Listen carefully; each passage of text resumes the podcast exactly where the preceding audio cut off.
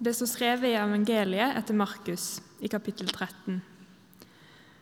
Om noen da sier til dere, Se, her er Messias, eller Se, der er han, så tro det ikke. For falske Messiaser og falske profeter skal stå fram og gjøre tegn og under for om mulig føre de utvalgte vil. Vær på vakt. Jeg har sagt dere alt på forhånd. Men i de dager etter denne trengselstiden skal solen bli formørket og månen miste sitt lys. Stjernen skal falle fra himmelen, og himmelrommets krefter skal rokkes. Da skal det se Menneskesønnen komme i skyene med stor makt og herlighet. Han skal sende ut englene og samle sine utvalgte fra de fire verdenshjørner, fra jordens ytterste grense til himmelens ytterste grense. Slik lyder det hellige evangelium. Yes. I dag så er jeg litt spent på om eh, mine refleksjoner rundt disse tekstene som vi har hørt, er mulig å følge for noen andre enn meg selv. Eh, og kanskje Susanne, som jeg har diskutert eh, dette med gjennom hele uka. Men eh, dere får rett og slett bare gjøre deres beste. Jeg håper det gir mening. Susanne, jeg la inn noen bilder. Du kan, kan ikke du bare slenge dem inn der de passer underveis? Nice. Um, ja da. Vi rakk det akkurat. Uh, bare for å slippe det litt inn i mitt hode, da, siden jeg sa jeg var litt spent på dette. I mitt hode så er dette en preken nummer to i en prekenrekke på tre. Uh, hvor alle sentrerer rundt temaet identitet. Å finne sin identitet i møte med Gud, og å finne Gud i møte med andre. Og eh, For to uker siden så snakka jeg om det å møte Gud i andre mennesker, eller egentlig å la seg forstyrre i sine livsplaner og la seg forstyrre av nøden man ser. I dag så ønsker jeg å tematisere litt det å vandre i mørket og akseptere mørket. Og også kunne finne Gud i det. Og Om en måned, 6. mars, så er det en spennende tekst. og Da må dere bare dukke opp og se hva som skjer. Det blir dritbra. Um, yes. Da har jeg bygd opp litt kredibilitet rundt meg som predikant, eh, og i håp om at det skal bære meg gjennom de to neste minuttene. Eh, hvor dere, jeg håper dere bare bærer over med deres litt for nerdete prest. Eh, fordi på onsdag så satte jeg meg ned, og kanskje for sånn 30. gang så jeg 'Ringenes herre 2.12'. For dere som er her kanskje for første gang, det er en litt sånn føljetong at jeg forteller om min 'Ringenes herre' kjærlighet. Eh, men poenget er, de filmene er så vanvittig bra. Og det slo meg nå på onsdag. Ringenes herre Vanvittig bra film. Vanvittig bra. Og jeg må bare dele eh, Jeg ber ydmykt om tilgivelse for dette. Jeg skal bare dele med dere noe jeg har surra i huet mitt siden da. Greia er, Frodo har fått den ringen. sant? Og det er, Han skal inn i mørketider. Han, har fått liksom, han skal ødelegge verdens ondskap. Legger ut på denne reisen. Og dette vet de andre folkene, så de sender med han sine sterkeste krigere. Den sterkeste krigeren, Vi har Gimli, son of Gloin av dvergene, vi har Legolas fra alvene, vi har Aragorn, vi har Boromir fra menneskene. De skal beskytte denne ringbæreren som skal gjennom sitt tyngste oppdrag i livet. ok. Ja, det eh. Takk, Kristian. Kjenner dere storheten? Men det som er greia er, før, før første film er ferdig, så må Frodo sende disse mektige krigerne vekk fra seg. Fordi denne ringen den lokker hele tida med en slags quick fix. Den sier 'bare ta meg på', så blir du så sterk at du kan overkomme enhver utfordring. Det vil ikke være en lidelse igjen i livet ditt. Og Denne fristelsen, denne quick fixen, er så lett å falle for for disse sterke krigerne at til slutt så må Frodo bare Nei, jeg må gjøre det aleine. Det blir for farlig å gå med dere. Med seg får han istedenfor gartneren sin, Sam. En som kjenner han godt. Og så får han med seg Gollum. Dette ynkelige, ødelagte vesenet. Som er fullstendig ødelagt av ondskap og mørke. Og Vi som ser det, vi skjønner at det er et tidsspørsmål før dette er for denne skurken backstabber i ryggen, som de ville sagt på Paradise Hotel. Det er liksom Det er bare et tidsspørsmål. Dette må gå galt. Hvorfor er Golle med? Det gir ingen mening. Og Sam lurer også hvorfor er han med. Og Så skjønner vi etter hvert at grunnen til at han er med, det er at Frodo han gjenkjenner seg selv i Gollum. Han ser en liten bit av menneskelighet i Gollum. Og Der så finner han det han ikke kunne finne i denne kraften og styrken hos krigeren. Han finner håpet.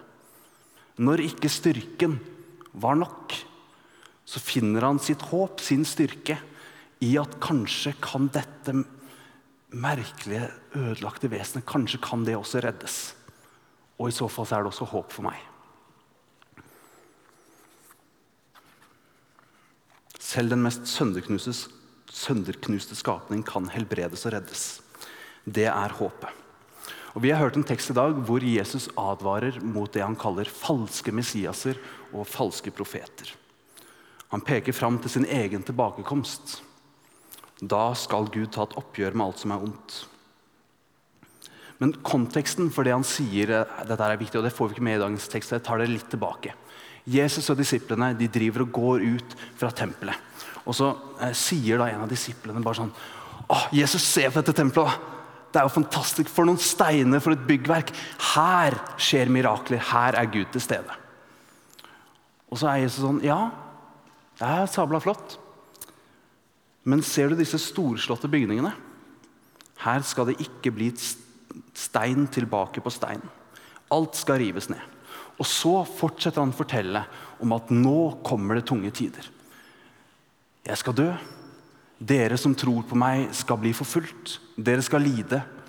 Noen av dere kommer til å bli drept for deres tro. Folk skal reise seg mot folk, rike mot rike. Disiplenes liv vil bli vanskelig, og de vil bli satt under press. Og det er da de må vokte seg for falske messiaser og falske profeter. For de kommer til å komme lurende med en sånne quick fixer. Lovnader på slutt på lidelsene. Men samtidig kommer de til å føre de vil. Så det, det Jesus sier, er stå i mørket, hold ut. For deres Gud er mer enn et storslått bygg. Og en dag vil jeg selv komme tilbake. Jesus, som er alfa og omega. Begynnelsen og slutten. Med makt og herlighet, et rike hvor sorg og smerte ikke har noen plass. Det er liksom de oppmuntrende ordene. Stå i det, for det kommer en dag. For meg så dukker mange assosiasjoner opp. De mange kristne og andre troende som den dag i dag blir forfulgt og drept for sin tro. Det dukker opp en uro for de mørke skyene som jeg føler henger over vår skjøre verdensorden. Ukraina, Russland på randen av krig. Nord-Koreas mange rakettoppskytninger. Klimatrussel.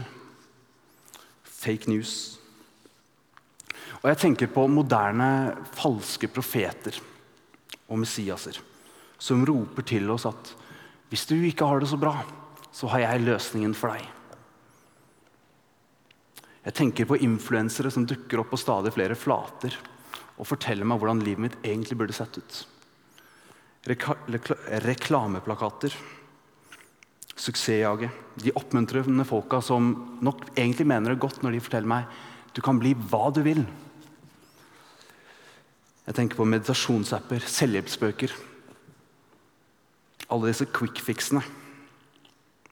Ensomhet, mislykkethet, tristhet, sinne, stress, sorg, smerte.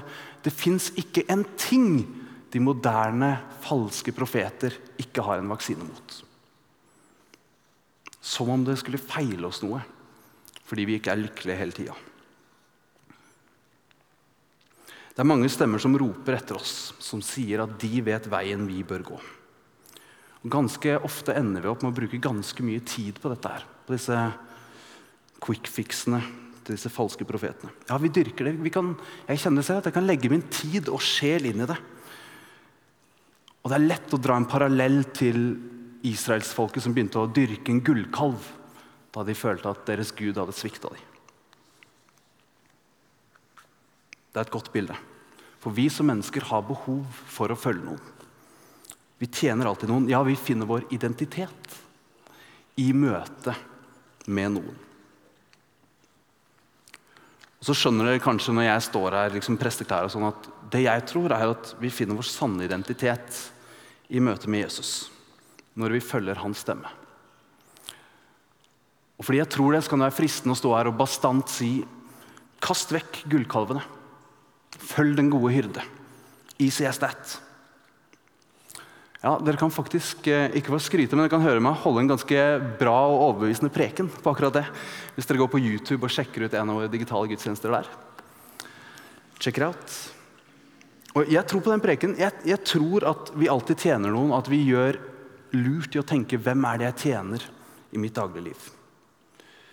Men den preken har en fallgruve, nemlig at den fører til et veldig sånn negativt verdensbilde. At ikke alt ja, egentlig at alt som ikke har Jesus printa i panna, blir på en måte gærent.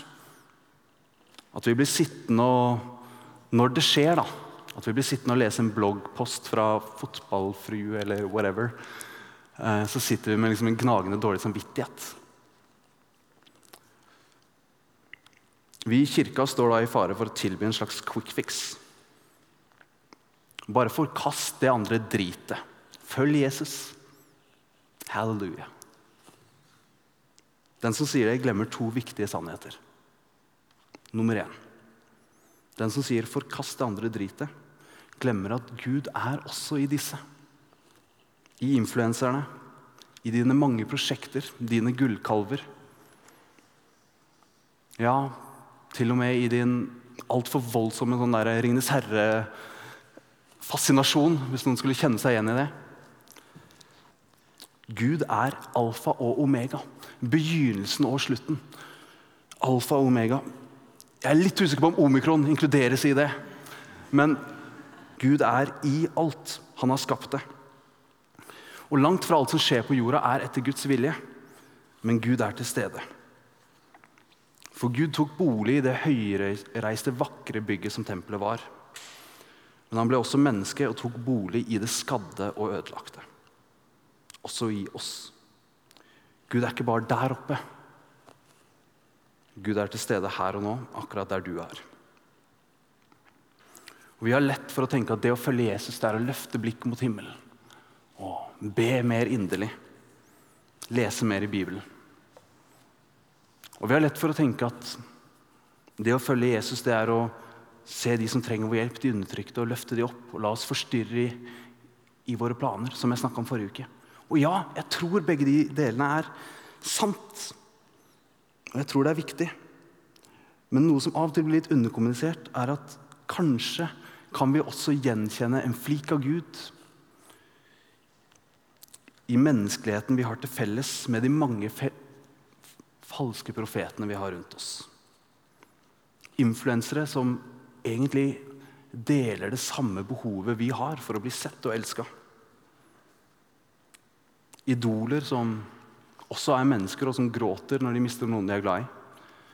Karrierestiger som ofte legger altfor mye press for oss, men kanskje kan det løfte fram en nådegave du er gitt av Gud.